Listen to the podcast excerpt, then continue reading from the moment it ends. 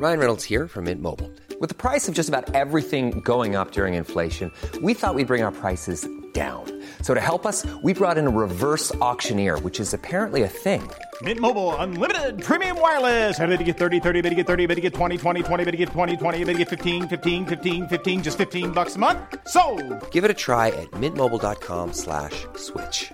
$45 upfront for three months plus taxes and fees. Promo for new customers for limited time. Unlimited more than 40 gigabytes per month. Slows. Full terms at mintmobile.com.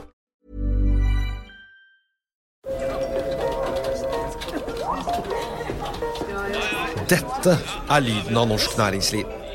Akkurat nå tas det små og store valg som kan bli avgjørende for fremtiden. Med økonomisystemet X-Leger tas disse beslutningene basert på informasjon i sanntid, slik at drømmer og ambisjoner kan bli virkelighet. Få kontroll og oversikt. Gå inn på xledger.no. Denne sendingen er sponset av Xleger.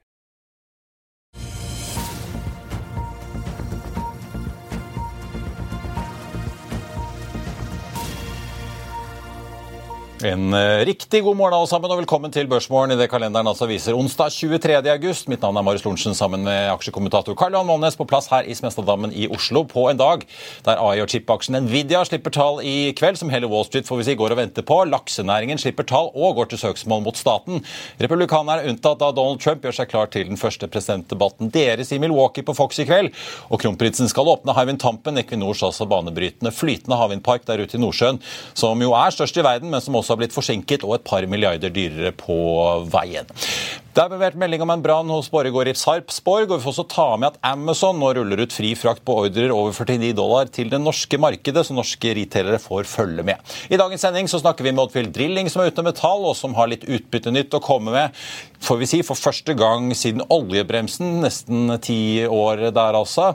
Og da får vi si etter sommerens refinansiering. Og vi får også besøk av Telenor-sjef Sigve Brekke, som gjør endringer i ledelsen når selskapet nå nærmer seg innspurten i prosessen som kan ende med en børsnotering av virksomheten i Asia. Sigve Brekke er med oss om litt.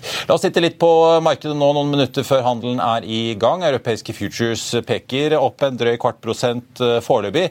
Værmeldingene for Oslo Børs litt sprikende. Nordnett venter en svak nedgang, mens DNB Markets ligger inne med en, et estimat da, på en oppgang på 0,1 fra start, etter at vi så hovedindeksen ende ned 0,42 i går. På Wall Street litt blandet. Dow Jones og S&P 500 ned rundt halvprosenten i går. Nasdaq klarte så vidt å lande da i grønt, før da den mye omtalte kvartalsrapporten fra Jensen Hong kommer i kveld. Rundt oss ellers får vi si at de asiatiske indeksene opp rundt halvprosenten i dag. Endrer litt grønn utvikling der. Og så ser vi at oljeprisen har vært under press vi ligger nå under 84 dollar på nordsjøoljen, 83,91. Amerikanske letteoljen fortsatt under 80 på 79,60. Par aksjer det er verdt å merke seg før handelen kommer i gang. Konsernsjefen i Bakkafrost, Regen Jacobsen, har vært ute og kjøpt aksjer for en 10 millioner kroner etter gårsdagens fall da på 9,7% i den aksjen etter kvartalsrapporten. Og så er Pareto Bank ute og henter 350 millioner kroner. Det gjør de til 50 kroner og 50 aksjen med hjelp da fra Pareto Securities, får vi si naturlig nok, og også DNB Markets. Kursen endte i går på 52. Den snuste jo i februar-mars omtrent på nesten 60. Og mot gårsdagens sluttkurs så snakker vi da en rabatt på så lavt som 3% som er jo relativt lite når vi snakker om eh, emisjoner. Banken skriver at de nylig har kommet over noen vekstmuligheter, og at pengene skal styrke kjernekapitalen, som altså gjør denne veksten mulig. Vi får vel lese det som at de planlegger å låne ut eh, mer penger. Pareto med, som største eier med sin relative andel får vi også ta med. Ingen tegn til at det blir noen reparasjonsemisjon. God morgen, Karl Johan. Vi må kaste oss rett over. Vi har masse å komme oss gjennom i dag. La oss begynne med sjømat og uh, ikke bare trusler, men varsel om søksmål mot staten fra ingen ringere enn Jon Fredriksens laksegeneral Ivan Vindheim i Movi. Ja, de har jo sagt de kommer aldri til å gi seg. Uh, og uh, da mener de at dette her er rette måten å gå fram. Uh, og, men de vil ikke ha noe påvirkning på kursen før du endrer Før du vinner fram og at grunnrenteskatten blir endret. Men du vinner ikke fram eh, da er det en politisk endring som må til. Så dette her er det de mener gir størst sannsynlighet for at du får endra grunnrenteskatt. Men sett utenfra for en amerikansk investor, de vil ikke skjønne noe av dette. fordi at eh, staten i USA har immunitet. Du kan ikke saksøke staten i USA. Så det er viktig å ikke bruke for mye tid på dette her, for da kan man sitte og diskutere politikk i USA før man får kommet i gang til å diskutere laks. Og, og eh, det er ingen investor som liker, ute som liker å kjøpe aksjer i andre land der det er politisk usikkerhet. Så, så det er helt OK at man gjør dette, for det, eh, det, er, det øker sannsynligheten for at man får endra grunnrenteskatten. Og ifølge EU-lov så kan man jo saksøke staten, men ja, i, i UK-lov etter brexit så er ikke det like opplagt. Så det, det, det, liksom, Man må ikke bruke for mye energi på det i investorpresentasjonene og gjøre dette til en stor sak. Han tar det jo ut i Ivan Vindheim i VG. Han sier at dette er de klart å ta helt til EFTA. Han peker jo da ja. konkret på at eh, sitat vi mener bunnfradraget knyttet til lakseskatten er diskriminerende. Blant annet da fordi at uh, regjeringen helt åpenbart har sagt at de vil ramme de store og ikke de små oppdretterne. og Er det fair play på, på en måte? Ja, og det, og det, er helt greit, men dette har ingen kursdrivende effekt før grunnrenteskatten blir endra. Eh, så det gjelder for eh, Man må klare å holde, disse, holde denne prosessen ute av investorarbeidet. Fordi du har tre kvarter med en amerikansk investor skal få han til å, til å kjøpe aksjene dine. Og, og, sånn som det ser ut for Movi nå, så er det P11, ingen vekst i resultatene til neste år. Eh, selv om utbyttet leverer jevnt ute på to kroner per aksje, og så 4,5% Så det er liksom ikke noe sånn, noen kioskvelter akkurat. Etter at grunnrenteskatten har kommet, så er det ikke noen sånn kanonaksje for en amerikansk investor å kjøpe. Så det gjelder å, å klare å holde prosessen ute, utenfor den daglige driften og investorarbeid, slik at ikke sinnet tar overhånd. Jeg forstår at folk er forbanna, men du må ikke la det ødelegge alt. Nå ble jo ikke skattesatsen på den uh, lakseskatten da 40, men 25% i dette forliket med Venstre og Pasientfokus. Likevel, det er jo mye penger i spill. Vindheim peker på at de har satt investeringer for 40 milliarder på vent. Men hvis de skulle vinne frem, så er det jo veldig mange milliarder som plutselig må tilbake til laksenæringen. Vi så jo kursfallene i fjor høst da dette ble annonsert. Ja, men Da kommer det gjennom en, en, endring, vedtak i Stortinget, eh, ikke gjennom en rettssak. Det er ikke der dette blir avgjort. Eh, dit kommer det aldri. Amerikanerne vil aldri forstå dette, at du kan saksøke din egen stat. Da, da, da, blir det mange rare diskusjoner. altså. Det, de kommer til å bli veldig kleint. og de kommer til, de kommer til, oh ja, oh, oh, So you're the good communists og alt det der. ikke sant? Og, alt det der. Så det er eh, europeere og Norge. Er ikke begynt å rote seg inn i dette. her. Ha fokus på driften, driv så godt man kan. Og, og, og, ta de nødvendige skritt for å endre grunnrenteskatt, men ikke gjør dette til investorpresentasjon. Altså, da, blir det, da, blir det, da blir det lite møter i USA. Vi får se hva de, hva de ender med. De mener i hvert fall at uh, her er det ting som ble iverksatt med tilbakevirkende kraft som ikke er lov. Vi så i hvert fall Oslo kommune tapte jo på det med eiendomsskatten at de måtte betale tilbake det første året. Så det kan jo være at uh, laksenæringen vinner frem delvis her, da. Vi får ja. se hva fasit blir. Ja, så det, så det, det har kursdrivende effekt når, etter at de vinner, men før det så må, må man prøve å redusere støyen så mye som mulig. Nå må vi opp 0,4 eh, fra eh, start i dag på en eh, svakt rød børs som er ned 0,2. Jeg tenkte bare å ta med Movi beholder jo guidingen sin, men Lerøy tar og kutter guidingen selv om de leverer et litt bedre justert resultat enn forrige gang, eller forrige kvartal. Ja, men uh, Lerøy altså det, Når man bommer med 30 millioner på 980 millioner for Lerøy så, på EBIT, så er det liksom uh, Det er jo et lettelsens sukk. da. De bruker jo og Det er mye større variasjon i resultatene, og det er hvitfisk inni dette her som gjør mye vanskeligere å spå. og du har value added processing, og det er mye vanskeligere å spå. Så, så for Lerøy, da, så alt som er i nærheten av staten, er gode nyheter. Da. Og det er priset på en annen måte også. og Aksjen er jo priset til P9 da, for neste år, så der er det litt mer å gå på. Da. Der er litt mer resultatvekst i tallene. kutte guidingen fra drøye 193 til 181 500 tonn? For neste år? Ja, ok. Nei, for årets slaktevolum. Ok, ja, men da, da skal den ned. Så vi får se. Foreløpig opp til 07, så vi får se når folk ja. får uh, tenkt, ja, litt, lest litt og regnet litt. Litt mer å gå på ikke sant, når du har en uh, resultatvekst uh, forventa innen neste år. Det har ikke Movi. En aksje som startet opp, nå svakt ned, er Oddfjell Drilling. Nå skal vi snakke rigg, nemlig. Vi får inn Kjetil Gjersdal, konsernsjefen i Oddfjell Drilling, rett etter dette. Vil du bli oppdatert på det viktigste som har skjedd innen finans og næringsliv? Da er det bare å følge med, for hver morgen er jeg, Marius Lorentzen og aksjekommentator Karl Johan Malnes på plass i studio for å ta tempen på dagens marked i Børsmorgen. Og hver ettermiddag oppsummerer vi alt du trenger å vite i økonominyhetene, og det blir selvfølgelig masse interessante gjester. Klikk deg inn på fa.no-tv, eller søk opp Børsmorgen og Økonominyhetene der du hører på podkast.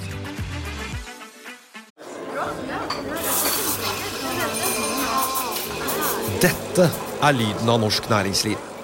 Akkurat nå tas det små og store valg som kan bli avgjørende for fremtiden.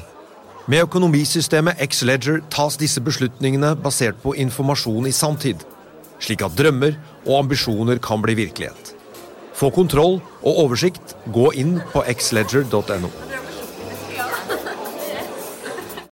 Denne episoden er sponset av van Brun, en fremtredende smykkeforhandler kjent for sitt brede utvalg av forlovelsesringer, gifteringer og diamantsmykker som bæres og elskes i generasjoner. Et frieri er en av de største øyeblikkene i livet, hvor forlovelsesringen er et tidløst symbol på kjærligheten. Valg av ring krever omtanke for både hvilket metall og diamant, med et bredt spekter av både naturlige og labdyrkede diamanter, og metaller som platina, gult gull, hvitt gull og roségull, hjelper de deg med å sette et personlig preg på din kjærlighetshistorie. Van Brun vil gjerne invitere deg til å prøve på tre av dine favorittringer fra nettsiden helt kostnadsfritt. Du kan også låne et bredt spekter av frieriringer, slik at du og din forlovede kan velge en ring sammen etter det store ja. Van Brun tilbyr 90 dagers åpent kjøp og 90 dagers gratis størrelsesjustering. Utforsk deres eksklusive sortiment i luksuriøse omgivelser. Bok en konsultasjon sammen med en diamantekspert i deres showroom i Oslo. Eller online på vanbrun.com. V-a-n-b-r-u-u-n.com.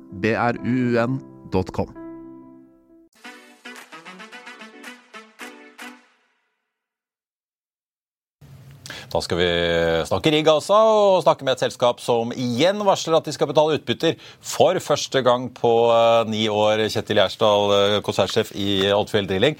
Takk for at du er med oss. Jeg, må, jeg måtte gå inn i historikken på børsterminalen min for å se For jeg husket ikke når dere betalte utbytte sist. Uh, ifølge historikken så var det altså mars 2014 30 øre. Nå blir det 64. Det er jo nesten litt historisk sus over dette her etter så mange år med oljebrems og ganske krevende tider i riggnæringen.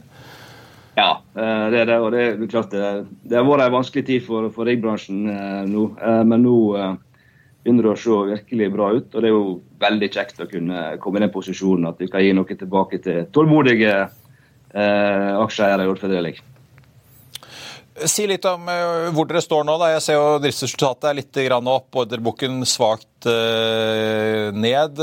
Hvordan gikk egentlig andre kvartal, syns du? Det var et bra, bra, kvartal. Vi hadde god, eh, god drift. Høy finansiell uh, oppetid på, på riggene våre over, over hele fjøla. Og, og, og, bra på ekstrainntekter. Så, så kvartalet sånn driftsmessig er vi, er vi godt uh, fornøyde med. Det er jo for så vidt et nivå som vi har ligget på en stund, da, sånn pluss-minus. Um, så, så, så, god drift. Og så er det selvfølgelig uh, den store nyheten i dag det er jo at vi har liksom lykkes med den planen som vi har jobbet med en stund nå. Vi fullførte jo refinansieringen tidligere for å kunne komme i en posisjon og, og, og få betalt utbytte. og det, det, er veldig kjekt at vi nå kan, kan, eh, kan komme i gang med det. Eh, ja, jeg merket meg det refinansieringen at dere fikk jo endret noen vilkår som jeg antar åpnet for nettopp utbyttebetaling. Men hva blir policyen fremover? Jeg så litt på kontantstrømmen deres. Eh, netto mm. så har den jo vært negativ så langt i år. Jeg antar kanskje det er noen effekter av refinansieringen er ute og går, eller. Men hva er policyen? Er det basert på hva dere sitter igjen i netto kontanter, eller er det andre parametere? Ja, vi, vi, har jo, vi har jo en, en, en, ganske forutsigbar backlog i det kommende årene. Så vil vi jo jobbe oss nå gjennom disse her såkalte legacy-kontraktene gjennom 24 og komme oss over på, på bedre rate etter hvert. Vi ser at der, er, så vi har valgt å starte litt det forsiktig på et nivå vi kan holde over tid. Og så har vi jo ambisjoner nå om om å øke dette her etter hvert, så vi, eh, vi får gjort disse SPS-ene våre, gjennomført de, eh, og komme oss over på, på høyere dagrater etter hvert. Så, så, vi begynner litt forsiktig, eh, opptatt av å finne et nivå som vi kan, kan holde, og så eh, øke på etter hvert. Si litt om utsiktene. fordi jeg merker meg at Dere har vel alle deres egne rigger. i hvert fall. Dere har jo både egne rigger og rigger dere drifter for andre, men alle deres egne rigger er i arbeid. Ingen i opplag. Ja. Uh, samtidig så leste jeg Det er et helt annet segment, riktignok, med Noram Drilling, som kom med sine tall i går, driver på land i USA, peker jo på at oljeselskapene er litt mer forsiktige med de store prissvingningene som har vært i hvert fall der den amerikanske oljeprisen og gassprisen. Der har antallet aktive rigger gått ned. Nå er det et helt annet marked enn offshore-rigger. Men likevel, hvordan ser utsiktene ut? Jeg merker meg at dere virker jo optimistiske likevel, da? Ja, vi, vi er optimistiske. og Vi ser et marked nå som, som har bedra seg jevnt og trutt over tid. og det ser også bra ut framover. Vi, eh, vi, vi, driver jo et litt, litt spesielt uh, marked, kan jeg si. Vi har disse harsh environment-riggene. Så Vi har en total flåte nå på åtte rigger med, med moderne sjette generasjon high-spec-rigger som vi har siktet oss inn på som en sånn nisje. Um, fire av de eier vi 100% sjøl, og så har vi fire som vi drifter for, um, for andre eiere. Og, og, vi opplever god, god etterspørsel uh, på kort sikt. Og så ser vi òg at uh, at det har vært, skjedd en liten endring der. Flere rigger har forlatt uh, Norge for å søke eh, muligheter andre plasser. Og, og, Det spesielle nå med denne markedssituasjonen det er jo at det er en veldig sånn eh, disiplin rundt tilbudssiden som, som, er lenge siden vi har sett. da. Og, og Det gjør at det skaper et veldig sånn sterk fundament for, for et godt marked i, i, framover, sånn som vi ser det, i lang tid framover, faktisk. Men Hva synes du når du ser at Eldorado Drilling kjøper nye rigger eh, til 200 millioner dollar? Hva synes du om disse verdiene her? Det, det, må jo være en kjempedeal i et godt marked? Ja, det, det, er en god pris. Dette er jo rigger som, eh, som koster 800 millioner dollar å bygge eh, back in the day. sant? Så, og så, er det jo sant, det skal settes i drift, det skal gjøres ferdig, og, og du skal på kontrakt og sånne ting. Men, men, det er klart prisen sånn isolert sett er jo, er jo attraktiv, det er ikke tvil i det. Ja, hvis, du skal, hvis, hvis, du skal, få bud på de riggene du har nå, hva, hva, er det du selger de for da? Nei, eh, jeg selger ikke de. Eh, jeg begynner med det, da. Eh. Ja, hvis du skal kjøpe, da? Hvis du skal kjøpt lignende rigger, hva er det du betaler for det? Det, det, som er, det, som er, veldig spesielt Nei, det ligger jo det, der, er jo der er jo ikke rigger til salgs i, i, dette segmentet som, som, vi har. Sant? Der er to nede på Keppel som, eh, som, er sånn kind of, kind of there. Uh, uh, så er det en i Kina, men, men ikke, ikke, helt sammenlignbart med det som vi gjør. Uh, vil kommentere det, det som igjen, Tilbudssiden her er veldig spesiell. og Hvis du ser historisk på det, enhver eh, oppgangsperiode i, i riggindustrien har blitt ødelagt av en ganske aggressiv eh, byggeperiode, hvor, hvor det har blitt et stort gap mellom tilbud og etterspørsel. Eh, det ser vi ikke skje nå. Det, det, vi kan ikke se for oss at det kommer en, en nybyggsperiode. Det er verftene, så det vil kosta forferdelig mye penger. Verftene har ikke kapasitet. Eh, det har vært eh, All kompetanse på verftene er skifta over på andre, andre områder. Så, så, det styrker liksom vår tro på markedet framover. At vi vil ha en veldig kontrollert tilbudsside framover. Jeg tenkte Dere peker på markeder som kommer, hvor dere ser veldig bra utvikling. Namibia, Canada, Australia, Brasil. Mm. Eh, men også på hjemmemarkedet i Norge, da, hvor det går så det griner etter oljeskattepakken. Eh, dere har jo tette forbindelser med både Equinor og Aker BP, som jo er de to store på norsk sokkel. Eh, hvor mye visibilitet har du liksom i inntjeningen og marginene dine fremover? Med disse to kongene på norsk sokkel? Da? Er det sånn at de prøver å presse dere nå for å holde egne kostnader i sjakk gitt den store inflasjonen vi ser? Ja, det gjør de jo alltid. Men, men vi har jo god oversikt på, på hva som er der ute. Og, og, eh, nå har vi jo en, en god, god, forutsigbarhet i den backloggen vi allerede har på plass. Og så ser vi at vi, vi vil gradvis jobbe oss over, over på, på, høyere og bedre kontrakter. Eh, vi ser et, et uh, underskudd av denne type rigger, sjette generasjons highspec-rigger i Norge fra 25 utover. Transocean var ute og kommenterte de så opp mot 10. Uh, vi, vi, vi, er kanskje ikke helt der, men en plass mellom 5 og 10 de rigger kanskje i, i underskudd. og, og De riggene må jo komme for noe. Enten så må det, må gis nye kontrakter på de som allerede er, eller så må jo noen, noen hjem. da. Så, så, all in all så ser det, ser det greit ut. Kjetil Gjersdal, konsernsjef i Oddfjell Dealing, tusen takk for at du var eh, med oss. Så får vi se om det blir noe mer dealmaking enn fusjonen mellom Maersk Drilling og Noble i riggnæringen fremover. Takk skal du ha. Da skal vi snakke Telekom, for i går annonserte Telenor eh, får vi si, to comeback. får vi si. Tidligere finansdirektør, nå Asia-sjef Jørgen Rostrup flytter hjem fra Singapore, der han i over da tre år har jobbet med å utvikle Telenors eh, muligheter i regionen, som jo historisk sett har vært veldig viktig for konsernets eh, vekst, og der man nå har vært gjennom to store fusjoner og vurderer en mulig børsnotering av hele Asia-divisjonen. Samtidig så går Nordens sjef Petter Børre Furberg over til å nettopp lede Asia en region. Han har vært nesten 15 år for Telenor i tjeneste, bl.a. som sjef i Myanmar. Og så får vi jo også si da, Sigve Brekke, konsernsjef i Telenor, god morgen og velkommen. Ja. At du også får en en fra Google til å bli teknologidirektør? Ja, jeg gjør det. Eh, jeg er godt fornøyd med at jeg får inn nå en med en annen kompetanse enn det vi tradisjonelt har hatt i Telekom eh, på teknologi. Altså en som har kompetanse fra plattformspillerne, fra eh, partnerskap, fra, fra AI, kunstig intelligens, skybasert virksomhet. Så, så det skal bli spennende. Og så er, Jeg må nesten også spørre aller først, da, fordi veldig mange kjenner jo da dagens teknologidirektør i Telenor, Rusha Sabanovic, mm. som vel har vært i Telenor i nesten to tiår. En, også en mildt sagt kjent skikkelse for eh, leverandører som Eriksson og, og Nokia, vil jeg tro. Ja, da, dere sier at dere skal annonsere noe rundt henne. Har du lyst til å dele noe med oss her på Nei, du, direkten? Vi tar et, en og en ting av gangen her. Nå annonserte jeg en ny eh, etterfølger for henne i går. Og så eh, jobber vi med Rusha for å se hva som blir hennes neste posisjon. Jeg tenkte også jeg bare skal nevne for de som hører på, Du Karl Johan er jo gammel studiokamerat med Jørgen eh, Rostrup, eh, bare så det er eh, kjent. Men jeg vil høre litt med dette, da, fordi at du bytter jo nå om på to ganske sentrale skikkelser i Telenor-systemet, som jeg skjøtte på uttalelser Liga ga, at det var du som kom med dem med dette forslaget. Hva var det rasjonalet ditt var? Nei, du vet, To ting, egentlig. Det ene er jo at uh, i Telenor så prøver vi hele tida å se på hvor uh, er de største verdiskapende prosjektene er, og hvem i vårt, min team er det som passer best til å løse det.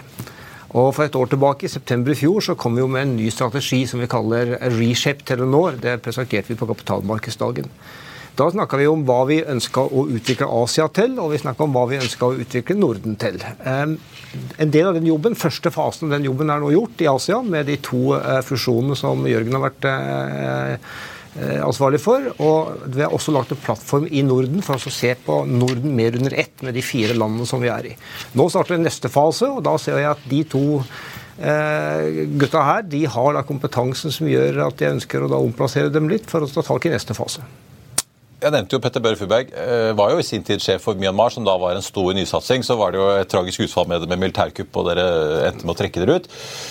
Eh, likevel, man kan jo tenke i de baner at eh, ok, du sender en som har erfaring med å etablere Telenor i nye markeder bort til Asia. Er det det som er på tegnebrettet? Nei, det er ikke det. Hvis jeg skulle si noen få ord om hva de ambisjonene vi har, både i Norden og Asia, i Asia så har ambisjonen vårt vært å først sikre oss eller styrke oss i de markedene vi er. Derav den fusjonen vi gjorde i Malaysia og den fusjonen vi gjorde i Thailand. Eh, og vi er jo også midt i en prosess nå for å se på hvordan kan vi skape en mer langsiktig eh, stilling i Pakistan. Eh, så det på en måte er gjort. Så jobber vi fortsatt med å lage en større plattform eller større paraply på, på hele regionen. Og der jobber vi med som du sier, en børsnotering. Vi jobber med mulige fusjoner, med partnerskap også der. Men så ser vi også nå at uh, endelig så er veksten tilbake i Asia. Det tok mye lengre tid å Etter pandemien, COVID. tenker du på da? Ja. Nettopp. Etter pandemien. Mye lengre tid i Asia uh, enn det vi så i vår del av verden. Og nå ser vi den kommer. Og nå ser vi faktisk at uh, ikke bare det er en tradisjonell mobil vekst, men at det er en digital vekst. Og Petter Børre med erfaring både fra Myanmar, fra Thailand, fra Bangladesh og fra alle de asiatiske markedene, mener jeg er godt i stand til å ta det til neste nivå. Mens i Norden så skal vi nå på en eh, ja, en ganske ambisiøs transformeringsreise. Som jeg sa, Vi er jo godt til stede i fire nordiske land, men vi ser at både kundene eh, og på en måte samfunnet som sådan er såpass like her i Norden at vi må kunne greie å gjøre noe på tvers. Så der skal vi rett og slett transformere oss for å skape verdi. Jeg forstår at du, du, vil kanskje ikke forhåndsvarsle ting som kan skje i Asia. Likevel, Vi diskuterte jo hvordan japanske Softbank nå ser ut til å ville børsnotere chipselskapet sitt ARM i det som har vært et ganske tørt børsnoteringsmarked. Ser dere at forholdene for å kunne gjøre store fusjoner eller en børsnotering begynner å varmes litt opp også i Asia? Ja, det er fusjoner, definitivt. Det var jo derfor vi eh, nå har jobba med de to fusjonene eh, i Malaysia og Thailand gjennom hele pandemien. Dette er noe som vi har drevet med i fire år, faktisk. Det tar jo tid, en del av verden. Ikke bare skal du bygge partnerskap, du skal bygge Du skal på en måte forberede to store selskaper å gå sammen. I Thailand eksempel, nå så fusjonerer vi altså to selskaper inn i et nytt selskap med 21 000 ansatte, 55 millioner kunder. Eh, det er store verdier. Å få det her til å fungere, det tar tid. Så det det fortsetter vi å jobbe med. Og det vi jo ser i den delen av verden, er at eh, den markedsstrukturen som på en måte har vært ok de siste 20 årene, når det var på en måte vekst nok til alle, den må du gjøre noe med. Altså Du må konsolidere inntil sterkere spillere som kan ta disse digitale posisjonene. Når det gjelder børsnotering, så det får vi nå se litt da, hva som er den rette timinga på det. Men vi jobber da med flere alternativer. Og, og hensikten vår er også å lage et Asia som gir oss større fleksibilitet og større opsjonalitet, som vi kaller det, til å kunne sitte og ta hjem, eh, ta hjem dividender, altså ta hjem cashflow, eh, så lenge vi ser at det er mulig å skape penger i Asia. Men også som gjør at vi enten kan gå noe ned, eller at vi kan ha en fleksibilitet til, til å, å, utvikle Telenor videre eh, i kraft med hvordan vi ser disse markedene utvikle seg. Har dere noe intern tidsfrist eller for når dere ønsker en avklaring om Pakistan? da? Hvor dere er nummer tre i markedet? Ja, som er liksom det, det, det, ene landet hvor dere på en måte ikke har eh, gjort noe ennå? Ja, der har jeg sagt at i løpet av det halvåret her så må vi finne en løsning. Det er der vi er. Vi er såpass, kommer såpass langt nå og er såpass konkrete i vår dialog med andre parter at jeg tror i løpet av dette halvåret. Da noterer vi oss den. Kriser gir jo en ny sånn teknologiforståelse. At flom i fjellene, hvor at eh, det systemet dere hadde med nettverksbasestasjoner eh, på fjellene, ikke fungerer så godt. Sverige kommer inn i Nato. Der har du Eriksson og Saab. De har bygd opp nettverkssentriske systemer for militærkommunikasjon. Du har Starlink i Ukraina. Kommer det til å få en helt ny teknologi? Kommer det til å bli eh, telekommunikasjon fra Starlink-satellitter og hatt 5G-stasjoner? Hvordan ser framtiden ut? Eh, for militæret endrer jo på sånne ja. teknologibilder. Ja, det er litt tja eh, svar til spørsmålet. Eh, satellitteknologi kan jeg ikke se kommer til å utkonkurrere eh, den mobilteknologien som vi har i dag, i områder hvor det allerede er et nettverk. Eh, eller i områder som det er, eh, altså det er mye folk som bor. Eh, for det er rett og slett for dyrt. Det er for dyrt. Den kapasiteten som du da tar ned, er for dyr å, å, å betale. Og, du har heller ikke stor nok kapasitet på satellitter, i hvert fall sånn som du ser i dag, til å håndtere de store datamengdene. Så jeg ser mer på det som et supplement. Altså et supplement i områder hvor du enten ikke har bygd ut, eller som det er veldig grisgrendt. Så du kommer nok til å se mer samarbeidsmodeller mellom tradisjonelle mobilaktører og de aktørene som vi snakker om her. Den største forandringen det er 5G, og hva 5G kan bety for nye løsninger, spesielt for bedriftssegmentet. Altså hvordan du kan bruke eh, at det ikke er noen forsinkelse i nettet eh, som 5G tilbyr, eller at du kan skivedele, altså reservere enkelte deler av nettet til én en eneste kunde. Det kommer til å revolusjonere måten eh, flere bedrifter, også offentlig sektor. F.eks. så er vi i et prøveprosjekt med Forsvaret nå for å se på kan 5G rett og slett eh, være det kommunikasjonsverktøyet som Forsvaret skal ha til alle sine kommunikasjonsbehov. Sånn at ikke Forsvaret trenger egne kommunikasjonssystemer. De kan bruke 5G, et privat 5G-nettverk. Ja, For det vil jo dere gjøre på nødnettet også? Det vil også på nødnett. Får vi si konkurranse kanskje, kanskje med Telia. men ja. Når vi ser hva som skjedde med Hans hvis, med uværet og hvordan det Det er jo nesten ikke til å unngå at det slår ut noen basestasjoner i noen tidsrom. Ja. Og vi har sett uh, den sikkerhetspolitiske situasjonen etter invasjonen av Ukraina og presset fra Kina. Drysser all denne pengebruken som vi ser på forsvarsindustrien også ned på dere som telekomaktører, fordi myndighetene er villige til å betale for økt robusthet og oppetid? Ja, det, at, ser dere ikke den betalingsviljen på telekom-siden ennå? Der, der, jeg tror du ser, kommer til å se en endring, er på reguleringer. Eh, jeg tror at sikkerhetsreguleringer kommer til å bli strengere. Eh, I dag er Telenor regulert eh, innenfor sikkerhetsloven i Norge. Vi har ikke samme reguleringer i andre land. Det tror jeg du kommer til å få. Eh, datasenter f.eks. Er, er for, et forretningsområde i dag som ikke er regulert. Det tror jeg du kommer til å få. Jeg tror ikke myndighetene lenger kommer til å tillate utenlandske aktører på samme måte som det de gjør i dag. Det å flytte data inn og ut eller på tvers av landegrensene kommer til i større grad å bli regulert. Der ligger det begrensninger, men der ligger også muligheter. Altså mulighet for de som er nasjonalt eide. Og kanskje hyggelig å få inn Finland og Sverige tross alt i Nato, da? Nettopp. sånn at med, Sverige og Finland i Nato så tror jeg vi kommer til også på telekomområdet til å se Norden mer som ett marked, som går på tvers av landegrensene. Ja, Vi har hørt eh, flyselskapene snakke om, uh, inkludert Norwegian og Widerøe, som har fått kontrakt med Forsvaret, at de forventer mer trafikk mellom Norge, Finland og Sverige. Så ting skjer.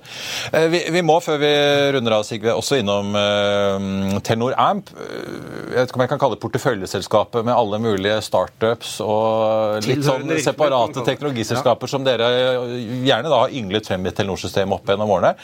For ikke mange dagene siden så annonserte dere salg av Working Group 2 til Cisco. Eh, som dere eide sammen med Cisco, riktignok, men dere selger eh, 45% dere sitter på. Eh, Hva kan vi forvente fremover der? Er det, er det kun en, på en måte, at dere forvalter de eiendelene og selger dem, eller kommer dere til å kjøpe ting? og... Ja, Det Workgroup 2 er, da, det er jo et veldig godt eksempel på en innovasjonsaktivitet. Det var fem ingeniører fra Telenor som for ja, 2017, seks år siden, fem-seks år siden, hadde en idé. Eh, Jeg sa at den ideen der kommer de ikke til å greie å realisere i Telenor, men dere kan eh, sette på et nytt selskap, og så skal vi være med å sponse det. Eh, og det har vi gjort i sammen med et investeringsselskap, Digital Alpha, eh, hvorav de også har eid 45% Ja, for Det er et selskap som litt enkelt eh, hjelper selskaper som ikke har egne mobilnett. Helt riktig. Så det det egentlig er, det er et software-selskap, altså et programvareselskap, som lager en, en IT-infrastruktur i skya, sånn at du slipper å gjøre det på en tradisjonell måte. Og Det har gått så bra eh, at Cisco da valgte å betale ja, 115 millioner dollar eh, for det. Eh, Så der har vi hatt en betydelig gevinstøkning. Men det det viser, er jo at vi har tatt en innovasjonsidé, utviklet den, men samtidig skjønt når andre er i stand til å ta det videre. For hvis du skal bygge en skala på noe sånt som det her, det, det er verken Telenors kjernebusiness eller noe vi har muskler til. Det, eh, I AMP så ligger det 16 selskaper. Det er IOT, Maritim det er Ja, det er maritim, det er, det er IOT, ja. Vi har et IOT-selskap i Sverige. Det er eh, et selskap som driver med og selger og, og internasjonal trafikk, roaming. Eh, det er et selskap som jobber med de globale innholdsleverandørene og setter seg mellom mobiloperatørene og det innholdet som de leverer. Det er et lite helseselskap. Det er et selskap som driver med smarte bygninger. Altså det er en rekke selskap, 16 i, i antall. Og det vi har tenkt å gjøre, det er noe av det her skal vi selge hvis andre er i stand til å gjøre det bedre enn oss. Noe av det skal vi investere i. sånn at F.eks. det, det der lille eh, helse, digitale helseskapet det har vi tro på at vi kan være med å investere i og, og bygge skala på. Mens noe av det skal vi rett og slett ta en større posisjon på. Og De to tingene vi har tenkt å gjøre det på, det er IOT og det er sikkerhets, altså sikkerhetstjenester. Og På de to områdene, IOT og sikkerhet, der har vi nordiske ambisjoner. Eh, Så der kan du forvente at vi både organisk og kanskje også inorganisk kommer til å vokse. Vi skal eh, følge med. Til slutt må jeg spørre deg, nå som du gjør eh, endringer i ledelsen, du er ikke redd for å miste noen til Telia, da, nå som de er på sjefsjakt? Etter at Alison Kirby går til BT Group i London? Ja, du vet, Telenor har vært en god rekrutteringsbase for Telia, og også for en del av våre andre eh, som andre mobiloperatører. Jeg er stolt jeg når folk eh, er lært opp i Telenor og da finner en plass hos andre. Vi får se hvem som ender med å lede konkurrenten eh, borte i Stockholm til slutt. Sigve Brekke, konsernsjef i Telenor, tusen takk for at du kom til oss. Par eh, kvartalsrapporter som det er verdt å merke seg nå som hovedindeksen har snudd. Til grønt får vi si opp 0,1 Det ene er Eiendomsspar. Deres resultat for skatt for første halvår endte på 650 millioner, ned fra 949 på samme tid i fjor. Nedgangen eh, på da nesten 300 millioner skyldes i hovedsak nettoeffekten av et eh, mindre resultat fra det tilknyttede selskapet Pandox. Og så får vi også ta med at det er også en negativ verdiutvikling da i selskapets eiendommer og derivater.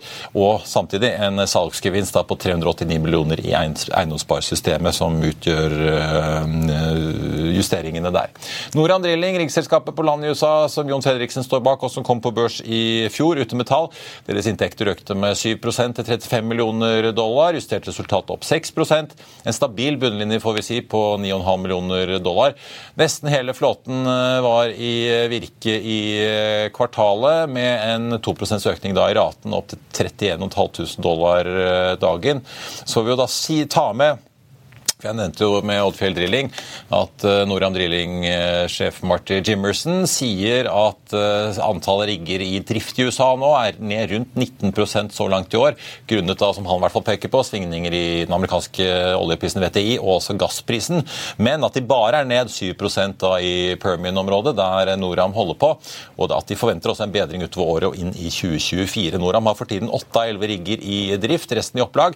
Ingen gjeld, de betaler utbytte. og interessant nok, de bygger nå omformere for å, ja, du gjettet kanskje riktig, elektrifisere bordoperasjonene sine. Så det er ikke bare i Hammerfest man tenker i de baner om dagen. Presentasjonen til Noram den begynner klokken 15 i dag. Karl Han, eh, De som har lest, rukket å lese avisen i dag, har kanskje sett at eh, du har skrevet om Nvidia nå før kveldens eh, kvartalsrapport.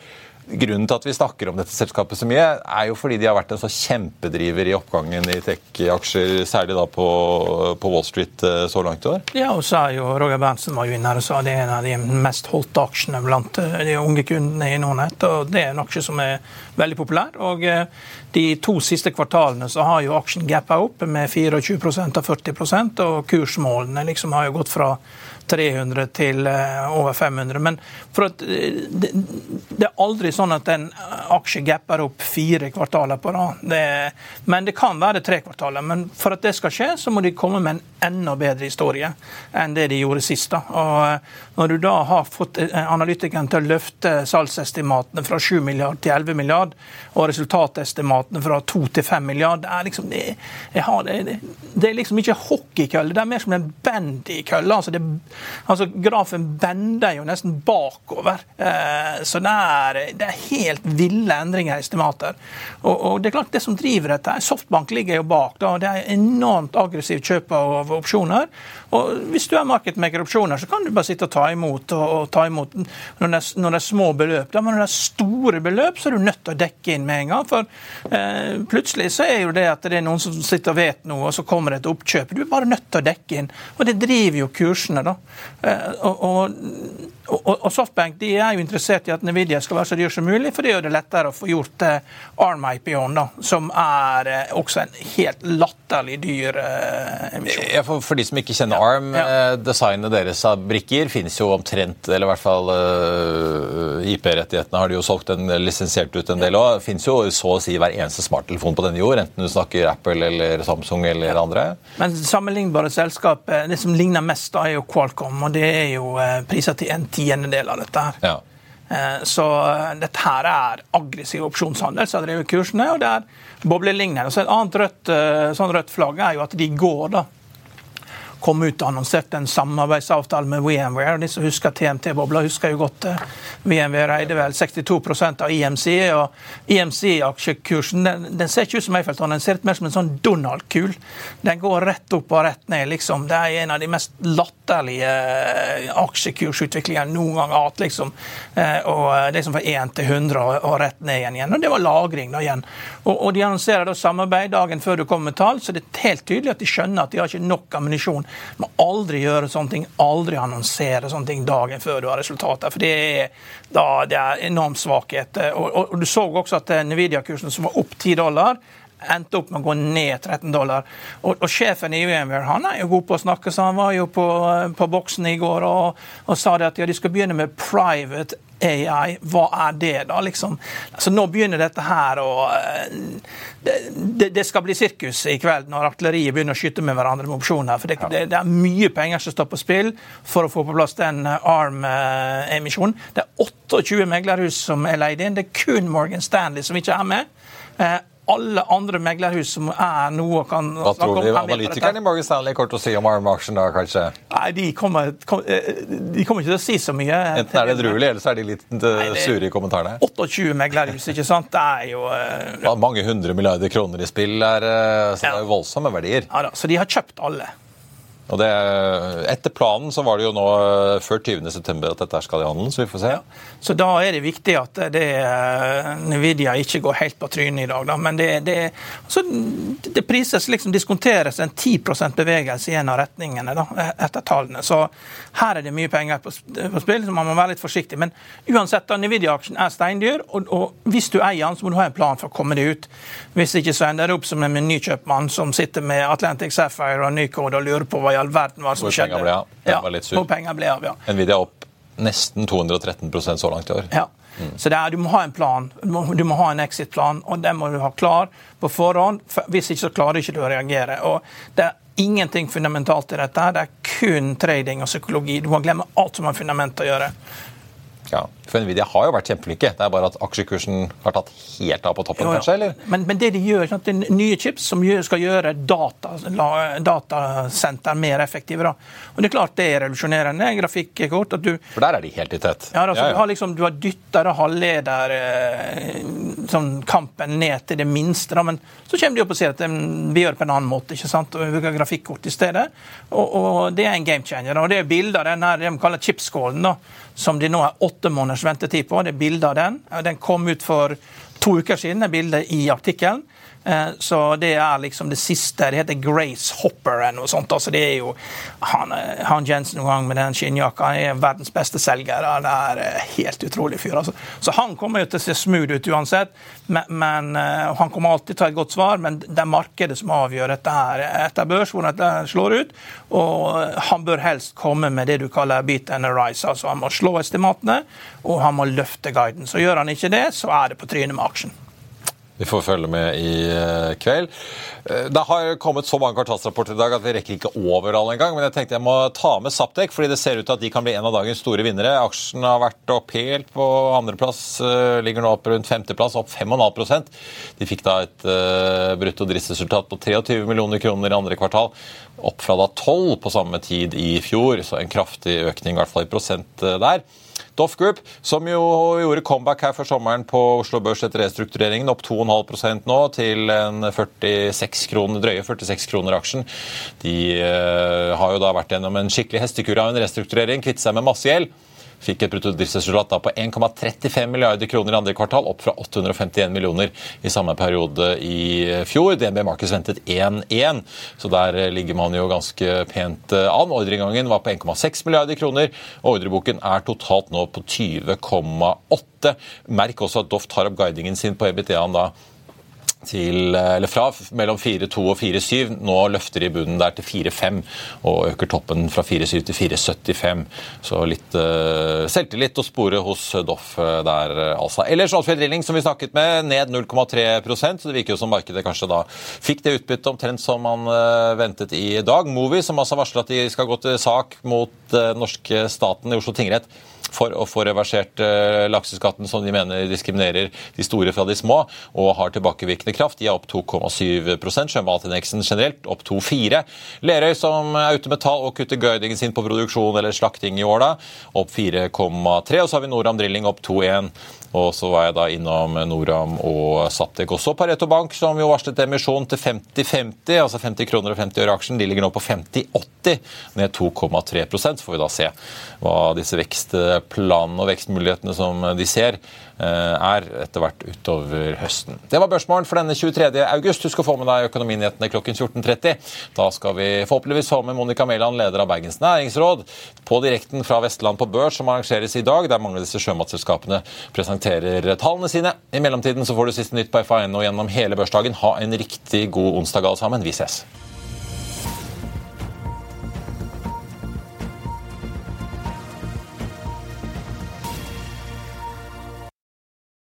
Denne sendingen er sponset av Xleger. Before Shopify, were you wondering where my sales at? Now you're selling with Shopify, the global commerce platform supercharging your selling. You have no problem selling online, in person, on social media, and beyond. Gary, easy on the cha-ching. oh, sorry, but my Shopify sales are through the roof. Start selling with Shopify today and discover how millions of businesses around the world use Shopify to ignite their selling. Sign up for a $1 per month trial period at shopify.com slash listen. Shopify.com slash listen. Økonominyhetene er en podkast og videoproduksjon fra Finansavisen. Programleder er Marius Lorentzen. Aksjekommentator er Karl Johan Molnes. Produsent er Bashar Johar. Podkast- og videoansvarlig er Marius Mørk Larsen. Og ansvarlig redaktør er Trygve Hegnar.